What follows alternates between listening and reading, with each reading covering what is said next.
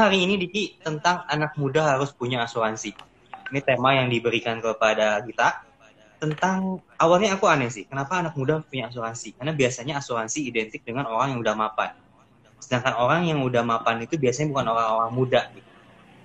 Setuju nggak? Mm -hmm. Biasanya asuransi itu bukan buat anak muda dan orang yang memang udah punya berkeluarga ataupun punya penghasilan yang lebih besar. Nah, gimana pandangan lu okay. tentang ini? Oke, okay. pertama mungkin kalau kita ngomongin tentang anak muda harus punya asuransi, kita harus tahu dulu kenapa sih anak muda harus punya asuransi. Oke, okay, kenapa? Itu ya. Nah, pertama kalau misalnya kita belajar tentang financial planning, perencanaan keuangan, Win. Hmm. Nah, kalau perencanaan keuangan, salah satu organisasinya, asosiasinya yang terkemuka itu kalau di Indonesia sendiri dan di dunia yang diakui salah satunya adalah FPSB. Financial Planning Standard Board. Ini asosiasi para perencana keuangan. Nah, dari FPSB sendiri, mereka uh, ngasih guidelines, prioritas keuangan itu, yang pertama tuh bayar utang, kedua membayar premi asuransi. Jadi, asuransi itu termasuk yang penting, harus diprioritasin. Kedua Apalagi ya? kalau misalnya, kedua, kedua, kedua. Jadi dia kalau misalnya kita juga belajar tentang perencanaan keuangan kan ada yang namanya piramida perencanaan keuangan.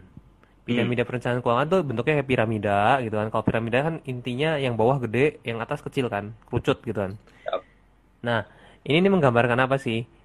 Si asuransi ini termasuk salah satu yang dasar di piramida perencanaan keuangan. Jadi dia tuh merupakan salah satu fondasinya dari perencanaan keuangan. Dia masuk ke dalam kategori keamanan keuangan. Keamanan keuangan, sedangkan kalau yang tipe kayak investasi, yang banyak orang tahu kan investasi ya Win ya. Betul, betul. Investasi, terus ya tabungan dan lain-lain, perencanaan waris, perencanaan pajak itu udah masuk ke kenyamanan keuangan. Hmm. Okay, nah, kalau lu sendiri Win, nyaman atau aman dulu? Pastinya kan aman dulu. Sesudah aman baru kita cari gimana supaya nyaman. Tapi pertama kali harus aman dulu. Iya iya iya. Nah, kadang gua si asuransi ini nih masuk ke yang tadi aman. Iya, kadang gue suka kebalik dik. Kadang orang ngejar dulu yang namanya kenyamanan dulu baru nanti oh, oh sadar bahwa ada yang namanya resiko baru mengejar yang namanya keamanan. Biasanya orang betul kebal. betul. Padahal kalau misalnya kita analoginya sama seseorang yang bikin rumah rumah aja kan kalau misalnya dibangun pastinya yang dibangun itu fondasi dulu kan? Iya yang akarnya dulu. dulu tuh. Iya yang digali dulu. Kenapa? Padahal kan akar itu fondasi itu sesuatu yang nggak kelihatan sama orang di depan. Kita lihatnya ya bagian depan rumah. Cuma yang, yang namanya fondasi itu iya yang tapi yang namanya fondasi itu kalau misalnya itu nggak ada rumah itu gampang sekali untuk runtuh karena nggak kuat. Akarnya nggak kuat. Nah asuransi itu termasuk ke dalam fondasinya dari keuangan pribadi. Jadi makanya setiap orang wajib memiliki yang namanya perencanaan keuangan khususnya di bidang asuransi. Karena kalau misalnya nggak ada, ini nanti perencanaan ke depannya yang lain-lainnya akan kacau lah. Nah, terus kenapa kita harus mulai dari muda? Karena semakin muda seseorang yang namanya asuransi itu pastinya pertama semakin murah. Kemudian hmm. yang kedua, asuransi itu bisa dibeli sebelum kita mengalami resiko atau enggak atau oh. yang biasa disebut pre-existing condition. Mungkin ada teman-teman yang nah, tahu kenapa Nah, lebih muda, lebih murah. Itu dulu di. Mungkin ada orang yang nggak tahu nih. Ya, oke. Okay. Kenapa? lebih mudah, lebih murah? Karena yang namanya uh, kan kalau asuransi itu kan sistemnya dia itu kan uh, cara kerjanya mengumpulkan resiko kan. Jadi ada banyak orang, misalnya 100 orang, 200 orang, 1000 orang. Yep. Itu dari 100 orang tadi membeli polis asuransi dari suatu perusahaan. Nah, masing-masing orang itu kan pastinya probabilitas resikonya berbeda-beda. Ada yang tinggi, ada yang rendah.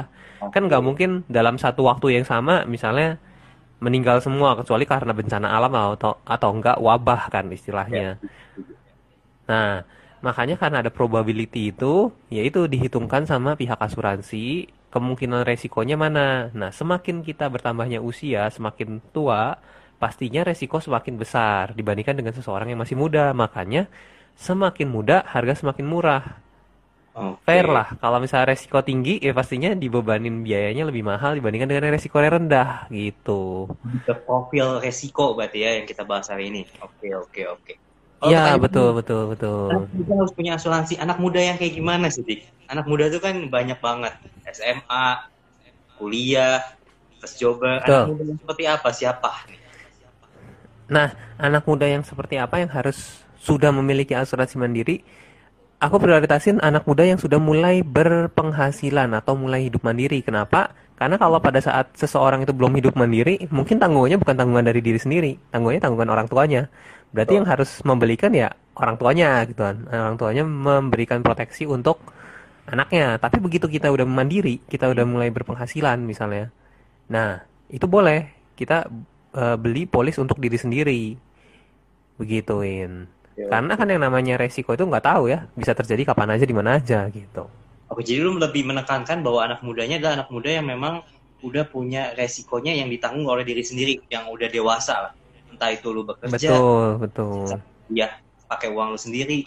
Makanya lu bisa antisipasi jangan sampai hasil kerja keras kita itu hilang karena sebuah resiko. Betul. Edwin sendiri tahu nggak, kenal nggak sama konsep-konsep resiko? Paham nggak apa itu resiko, Win? Uh, jujur gue nggak tahu sih. Resiko apa aja tuh? Kesehatan yang gue tahu. Ini kalau, hmm ya. Pertama dari definisinya dulu ya. Kalau resiko itu secara definisi itu adalah suatu kejadian yang tidak pasti, ketidakpastian. Oh. Jadi peluang ketidakpastian. Jadi kalau kita ngelihat masa depan, apakah bisa menebak? memprediksi bisa tapi nggak ada yang pasti kan ketidakpastian karena karena ada yang namanya probability ketidakpastian makanya muncul yang namanya resiko. Gitu. Nah resiko sendiri uh, ada yang murni ada yang spekulatif. Nah yang bisa diproteksi sama asuransi itu yang murni. Maksudnya uh, uh, resiko murni itu seperti apa? Resiko murni itu yang kalau misalnya kita terjadi resiko kemungkinannya kita hanya akan mendapat kerugian paling enggak cuma impas nggak mungkin kita mengalami keuntungan dari terjadinya resiko. Itu namanya resiko murni. Nah contohnya. yang seperti ini itu yang bisa diasuransikan. Contohnya. Contohnya yang simple contohnya yang simple itu kalau misalnya mengalami sakit kritis. Seseorang kalau mengalami sakit kritis sakit kritis sendiri kan definisinya itu sakit yang uh, kalaupun pulih nggak bisa pulih 100% Contohnya misalnya jantung, cancer, stroke, jadi sakit-sakit yang berat lah seperti itu. Nah, kalau hmm. mengalami sakit seperti itu, setidaknya setelah misalnya sembuh keluar dari rumah sakit perlu masa pemulihan lagi. Bisa jadi kalaupun bisa bekerja tidak bisa semaksimal sekeras yang dulunya gitu kan. Karena dikhawatirkan nanti bisa kambuh lagi dan sebagainya. Nah, karena itu kita perlu yang namanya proteksi dari uh, penyakit kritis. Itu yang namanya proteksi penghasilan. Sementara kalau resiko-resiko lain yang bisa di cover sama asuransi, contohnya ya untuk yang asuransi jiwa, ya pertama jiwa sendiri.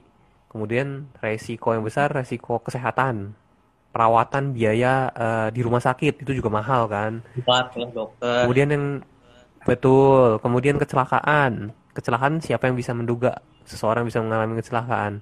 Kalau misalnya kecelakaan cuman jatuh dari motor lecet, nah itu mah oke okay lah beli betadin mungkin bisa sembuh plaster tapi kalau misalnya sampai patah tulang kalau patah tulang sembuh mungkin di gift berapa bulan bisa sembuh lagi. Tapi kalau misalnya sampai harus uh, kehilangan bendanya Sa gitu mengalami ya amputasi kehilangan fisiknya nah itu kan nggak bisa di apa ya dipulihkan lagi secara normal gitu.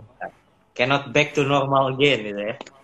Iya nggak bisa kembali 100% secara normal gitu. Oh. Tapi yang paling parah sih memang sakit kritis sih Win. Jadi aku saranin sih kalau dari aku sendiri setidaknya uh, yang namanya asuransi penyakit kritis tuh seseorang tuh harus punya.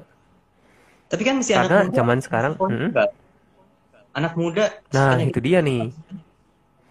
Nah, ini dia nih. Waktu beberapa waktu yang lalu aku pernah kayak diskusi sama seorang dokter. Nah, hmm. sekarang tuh trennya yang namanya penyakit-penyakit kritis, penyakit berat gitu kan. Trennya nggak cuma terjadi sama orang tua. Ternyata anak muda juga banyak yang akhirnya terkena penyakit kritis resiko penyakit kritis. Dari yang aku kenal sendiri udah dua orang.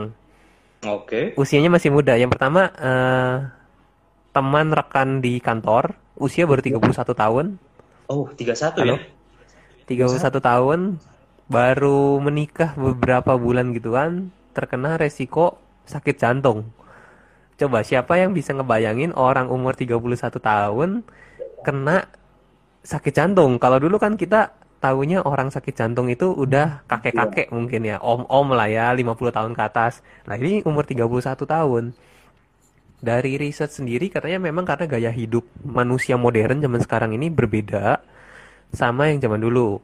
Karena banyak lifestyle-lifestyle baru yang uh, gaya hidupnya memang kurang sehat. Gitu. Salah satunya misalnya merokok, ya merokok, kemudian kalau misalnya itu ada minum-minuman alkohol atau enggak makanan-makanan juga berpengawet, bersoda junk gitu. Junk food. Gula, junk food gitu kan. Dan juga dari gaya hidup bekerja. Apalagi di perkotaan, banyak yang misalnya bekerja sampai larut malam, lembur, istirahat kurang istirahat, istirahat berkurang ya. Dan juga olahraga tidak teratur. Nah, itu dia. Iya, iya, Itu ya. Kak Edwin. Ada perubahan perilaku dan kondisi uh, seorang ya. Kalau misalnya hal-hal segitu nggak ada. Kalau sekarang kan semuanya berubah sehingga resiko potensinya itu semakin cepat untuk kita hadapi. Dan betul, betul. Kita betul. antisipasi. Jadi makunya, maksudnya tema hari ini tuh anak muda harus punya asuransi. Ya, lingkungannya udah berubah. Kita cepat-cepat antisipasi sejak muda. Itu kali. Sejak muda. Dan Win, tadi kan kalau yang pertama itu aku kasih contoh usia 31 tahun kena jantung akhirnya pasang ring kan? Iya. Pasang ring jantung. Nah, pernah ada juga satu lagi, ini bukan temanku langsung, jadi adekku punya temen. Ini waktu dia masih kuliah. Waktu dia masih kuliah.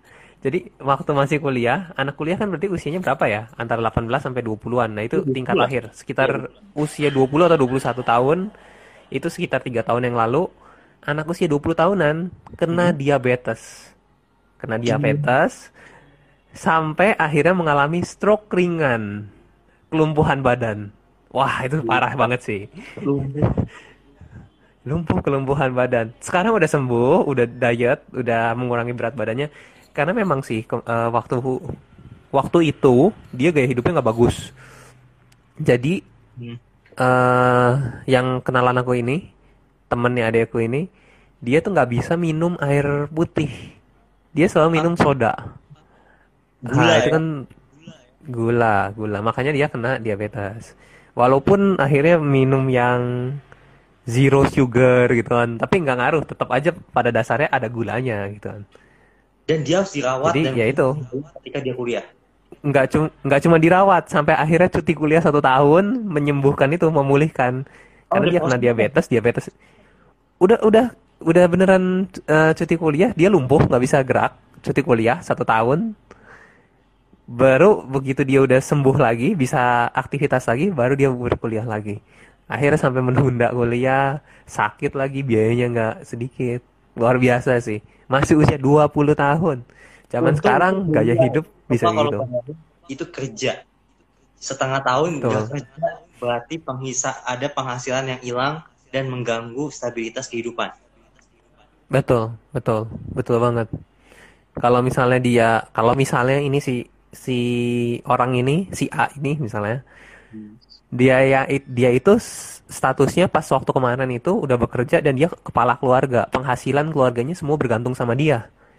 Hmm. nah kalau misalnya dia nggak bekerja dirawat selama satu tahun sementara kan pengeluaran pertama untuk biaya pengobatannya sendiri nggak sedikit. Mahal yang kedua keluarganya tetap harus dinafkain kan nah ini karena dia statusnya waktu itu masih mahasiswa, masih jadi tanggungan orang tua juga, ya orang tuanya yang akhirnya ke sana ke sini harus bekerja dan lain-lain. Iya, gitu, iya, iya, iya, iya, iya. Jadi lebih baik kita siap daripada kita nggak siap sama sekali sih sebenarnya. Oke, itu betul, ada dua. Betul. Ini resiko yang apa ya? Resiko itu lebih cepat untuk ke anak-anak muda. Nah, terus pertanyaannya di asuransi kan biasanya mahal ya yang kita kenal. Hmm balik lagi nih asuransi itu mahal sedangkan anak-anak muda kadang kala kita belum tahu akses informasinya tentang asuransi secara general mungkin kita tahunya BPJS tapi BPJS pun terbatas lah mungkin lu bisa kasih tips atau sharing tentang anak muda harus punya asuransi yang seperti apa Oke, pertama yang namanya asuransi itu tidak selalu mahal. Ada hmm. berbagai jenis tipe asuransi. Nah, kalau misalnya Sorry, gimana? yang tadi lu bilang kan asuransi 10% doang kan yang gue sisihkan 10%. betul betul betul betul 10% doang jadi kalau dari FPSB sendiri uh, di kasih saran patokan untuk apa ya? Untuk alokasi dana budget untuk asuransi setidaknya 10% dari income kita. Nah, pertama yang sebelum masuk sana aku mau ngomong dulu asuransi itu tipenya ada banyak. Jadi nggak selalu jangan selalu berpikiran asuransi itu mahal. Ada asuransi-asuransi yang murah. Nah, kalau misalnya untuk anak muda income-nya baru terbatas, boleh cari asuransi yang minimalis tapi proteksinya maksimal. Maksudnya kayak gimana? Ya, yang diproteksi untuk poin-poin tertentu yang paling kita butuhkan dulu deh. Custom yang kita butuhkan, gak usah semuanya full covered dulu. Seenggaknya untuk proteksi minimalis tapi cukup buat kita. Gitu. Nanti seiring berjalannya waktu kita boleh update, beli produk-produk yang uh, disesuaikan sama uh, profil resiko kita kemudian. Oh, bisa upgrade lah ya. Nah, Betul. Nah, terus kalau tadi nyambung ke FPSB, FPSB sendiri secara prioritas asuransi kan masuk ke prioritas kedua dan alokasi dananya setidaknya untuk membayar premi 10% dari income. Betul kan, Win? Iya. Nah, uh, hubungannya apa? Hubungannya gini.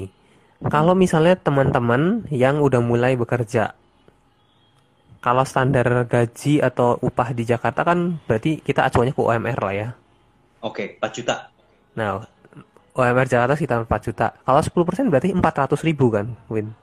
Iya. Nah, 400 ribu itu nilai yang sudah lebih dari cukup untuk punya satu buah asuransi yang komplit. Oh. Okay. Untuk anak muda.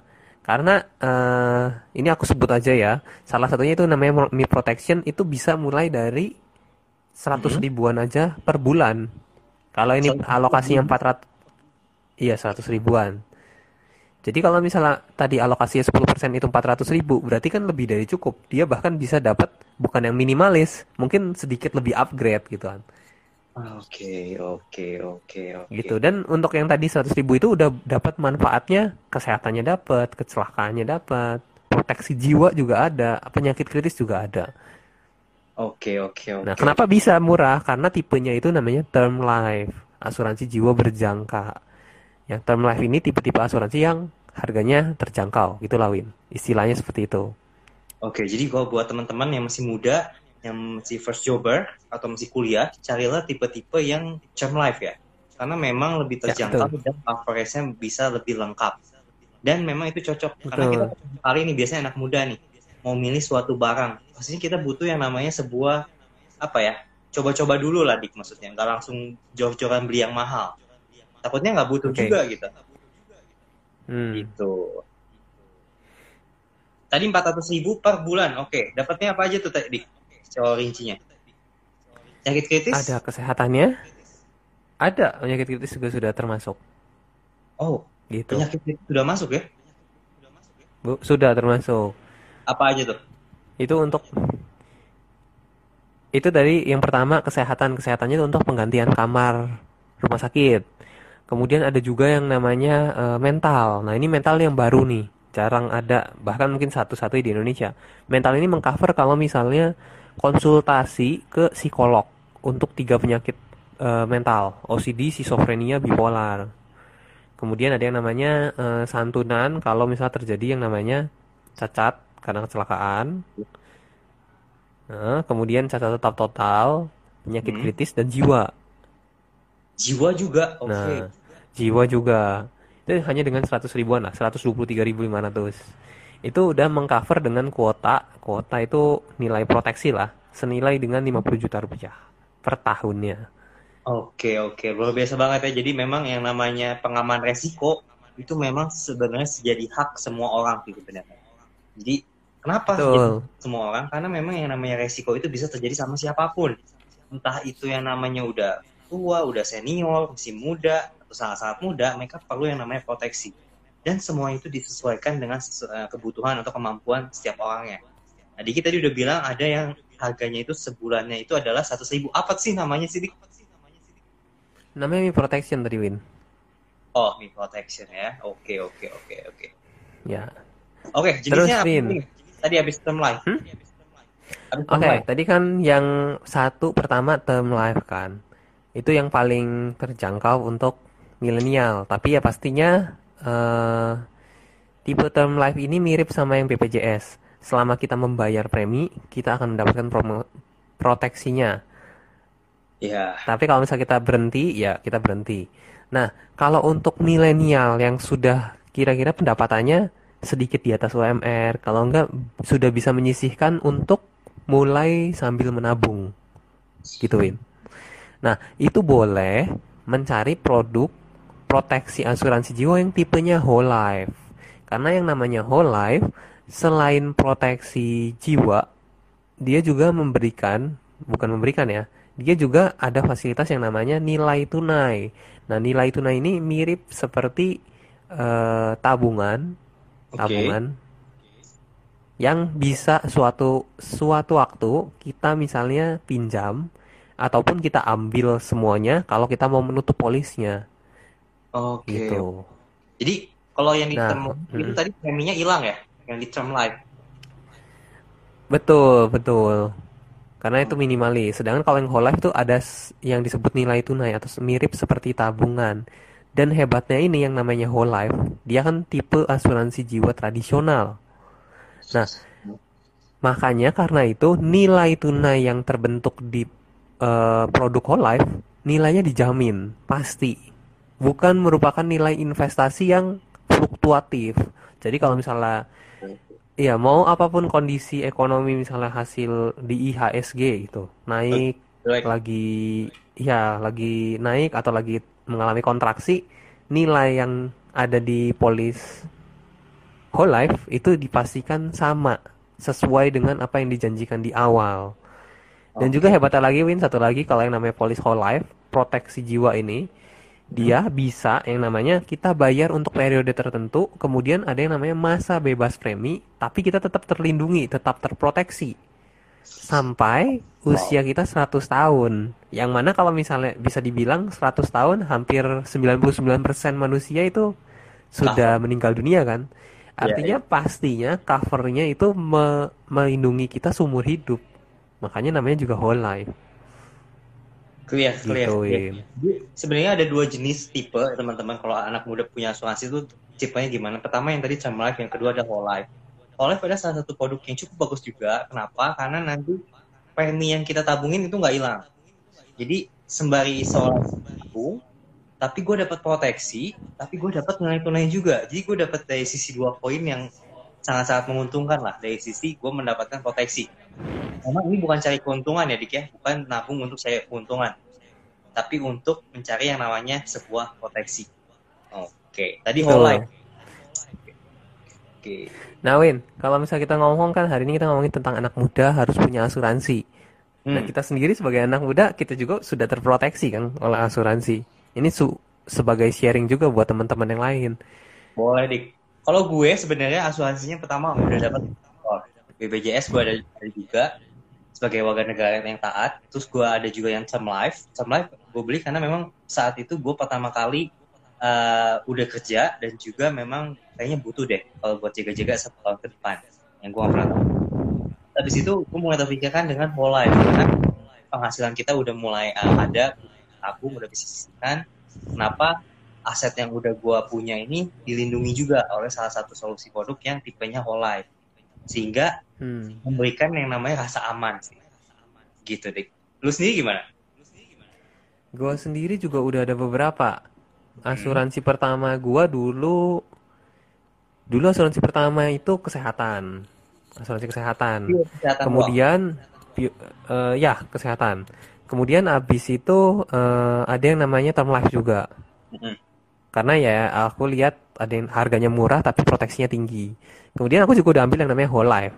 Kemarin karena lihat ada yang namanya nilai tunai, ada yang nilainya dijamin dan kalau misalnya aku bandingin gitu kan sama misalnya aku tabung sendiri di bank di ya. deposito yeah. gitu istilahnya bunganya 11 12 tapi kalau di whole life aku dapat proteksi asuransi istilahnya oh, kan kayak nabung tapi 11 oh, 12 lah mirip-mirip oke oke oke kayak deposito bersaing lah menurutku sama tabungan berjangka. Nah, itu bersaing. Karena 11 12 tapi ada manfaat tambahan berupa asuransi. Ya kenapa enggak gitu kan? Whole life juga jadi udah punya. Kemudian juga ada lagi term life lagi yang sifatnya untuk proteksi hutang. Jadi kredit card ada uh, asuransinya, tambahan manfaat asuransi juga, itu juga udah juga. Kemudian oh. BPJS sudah pasti lah. Jadi udah ada berapa tuh? Tiga, empat, empat ya? Lima. Oh. Ya, udah ada lima. Jadi intinya mah asuransi itu sedari muda kita harus sudah punya. Hmm. Tapi udah bukan berarti itu cukup. Yang muda dicukupkan hmm. untuk kondisi saat ini, nanti seiring berjalannya waktu kita evaluasi. Yeah. Kekurangannya ya kita tambah gitu. Bukan satu kali beli udah selesai. Sebenarnya proteksi is never end ya, karena memang sesuai dengan kondisi siklus kehidupan kita. Uh, siklus kehidupan kita di tahap ini ya kita cukupkan dengan proteksi yang seperti ini. Jadi serba minimalis gitu serba sesuai dengan kebutuhan. Ada juga yang beli cukupnya istilahnya. Ya itu kata yang tepat. Mungkin ketika kita masih muda jangan beli yang proteksinya yang mahal ya. Kita akan merasa kecewa mungkin. Belilah yang memang manfaatnya sesuai harganya terjangkau sehingga kita benar-benar terasa fulfill dengan manfaat produk yang kita beli itu lebih bijak mungkin kayak gitu Oke, oke. Ya, betul Win, betul Win. Intinya seperti itu. Siap, siap. Adiki sendiri gimana uh, sharing-sharingnya nih tentang asuransi sendiri apa yang lu dapetin ketika lu punya asuransi itu tadi sampai 4 sebenarnya apa yang lu cari sebenarnya di dalam diri lu? Oke. Nah, ini juga mungkin pesan buat teman-teman. Banyak juga yang membandingkan gimana sih? Thinkingnya gimana tadi? Ya, banyak karena banyak orang yang berpikir gini uh, ngapain sih punya asuransi banyak-banyak? Karena nggak menguntungkan tidak menguntungkan katanya. Keuntungannya kok kecil rasanya gitu katanya. E, nilai pertambahan uangnya kok dikit gitu kan. Nah yang perlu ditekankan ini perlu dicatat nih sama teman-teman yang ada di sini. Hmm. yang namanya asuransi itu bukan instrumen untuk mencari untung asuransi itu bukan un instrumen untuk mencari untung jadi jangan pernah membandingkan asuransi dengan yeah. instrumen investasi.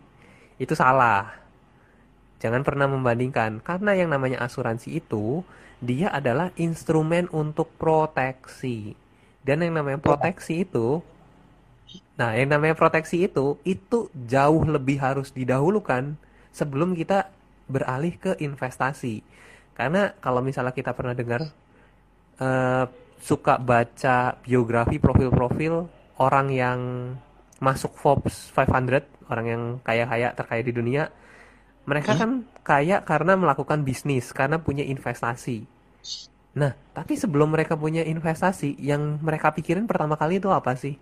Bukan returnnya yang besar tapi resikonya apa yang mereka bisa tanggung. Kalau misalnya mereka berinvestasi di sini sama halnya dengan kehidupan. Sebelum kita berekspansi istilahnya ekspansi ke dunia investasi pastiin dulu sudah terproteksi. Karena kalau belum apa-apa proteksinya belum dipikirkan hmm. nah gimana kita mau fokus di investasinya? Nanti bisa jadi di tengah-tengah kita lagi investasi eh kita mengalami resiko. Akhirnya kita berhenti fokus di sana investasi ditutup dulu untuk proteksi untuk ya. beresin masalah-masalah yang dari pribadi. Nggak jam nggak selesai-selesai gitu kan Makanya yes, yang yes, pertama mindsetnya itu harus diperbaiki, mindsetnya harus diperbaiki. Sebelum kita berinvestasi, pastikan dulu punya asuransi. Sebelum kita tanya returnnya banyak atau besar seperti apa, kita harus tahu dulu gimana untuk proteksinya, manajemen risikonya itu seperti apa. Seperti itu, Win. Kalau dari gue seperti Oke, itu. Gue bahwa asuransi bukan proteksi mencari keuntungan, tapi asuransi adalah instrumen untuk mencari untuk mencapai sebuah namanya proteksi. Jadi orang-orang yang di luar sana mereka adalah orang-orang yang memang bisa mengantisipasi resikonya mereka sehingga mereka tahu harus bertindak seperti apa. Dan itulah yang disebut orang-orang yang memang apa ya pinter ya pinter ya tadi maksudnya ya mereka bisa ada di di posisi itu karena mereka pinter bisa mengantisipasi semuanya sehingga yang namanya resiko itu tidak mengganggu kestabilan ekonomi mereka maupun kehidupan mereka dan sangat-sangat ya, indah kalau misalnya semua anak-anak muda sadar akan hal itu. Simpelnya kalau misalnya investasi itu kan untuk mencapai kita nilainya plus tinggi atau bisa juga minus tinggi kan. Nah asuransi itu yang membatasi supaya kita nggak minus. Ah, gitu. Iya, iya. Jadi mengurangi minusnya. Asuransi itu memproteksi itu. Jadi baseline-nya tuh udah kuat, baru kita jadi fokusnya ke plusnya aja, minusnya nggak akan. Minusnya oh. ditanggung sama asuransi gitu. Gitu. Oke, oke. Luar biasa banget, Diki. Kita udah sharing-sharing tentang sebuah topik yang sangat luar biasa. Anak muda harus punya yang namanya asuransi. Semoga channel uh, eh, IG ini nanti teman-teman bisa nonton di IG TV dan semakin apa ya menyadarkan dan aware terhadap pentingnya anak muda harus punya asuransi. Thank you Kak Diki atas betul, waktunya. Betul, Win. Thank you Win, thank you Win. Kita udah ngobrol 20 sampai 30 menit seperti biasa di mipower.finplan. Terima kasih atas waktunya dan jangan lupa selalu follow IG kita dan stay tune di acara-acara kita. Jadi kalau misalnya teman-teman pengen belajar tentang financial planning, kita ada ya di case setiap hari Rabu jam 2 siang. Teman-teman bisa ngajak teman-temannya untuk gabung nanti cari informasi di DM Mi Power ini. Gitu. Jadi kalau pengen tahu ada tentang produk juga boleh konsultasi ke Kak Diki ya. Boleh, boleh. Kalau ada yang mau tanya tentang produk, mau tanya tentang perencanaan keuangan, konsultasi, silahkan. DM aja kalau nggak ditinggalin kontak, kalau nggak DM langsung ke Mi Power atau langsung ke saya. Bisa yep. nanti janjian kapan waktunya via Zoom aja. Kan zaman sekarang kan udah online, serba online. Cakep, cakep. Thank you Diki atas waktunya dan selamat siang. Semoga bisa melanjutkan aktivitasnya semakin produktif. Thank you banget udah ngeluangin waktunya di IG Live pada siang hari ini. Dan teman-teman sampai bertemu juga untuk besok. Besok kita ada IG Live tentang empowerment talk itu jam 2 siang. Oke? Okay? Jangan jangan sampai lupa dan stay tune uh, selalu di mipower.finplan. Oke, segitu aja Kak Diki. Terima kasih atas waktunya. Semoga selalu sehat dan produktif. See you, aku remove Kak Dikinya. Thank you buat teman-teman yang udah gabung. Dan semoga selalu bisa follow IG kita, kasih like ke setiap postingan feed-feed yang ada di IG kita. Dan sampai jumpa di acara selanjutnya. See you.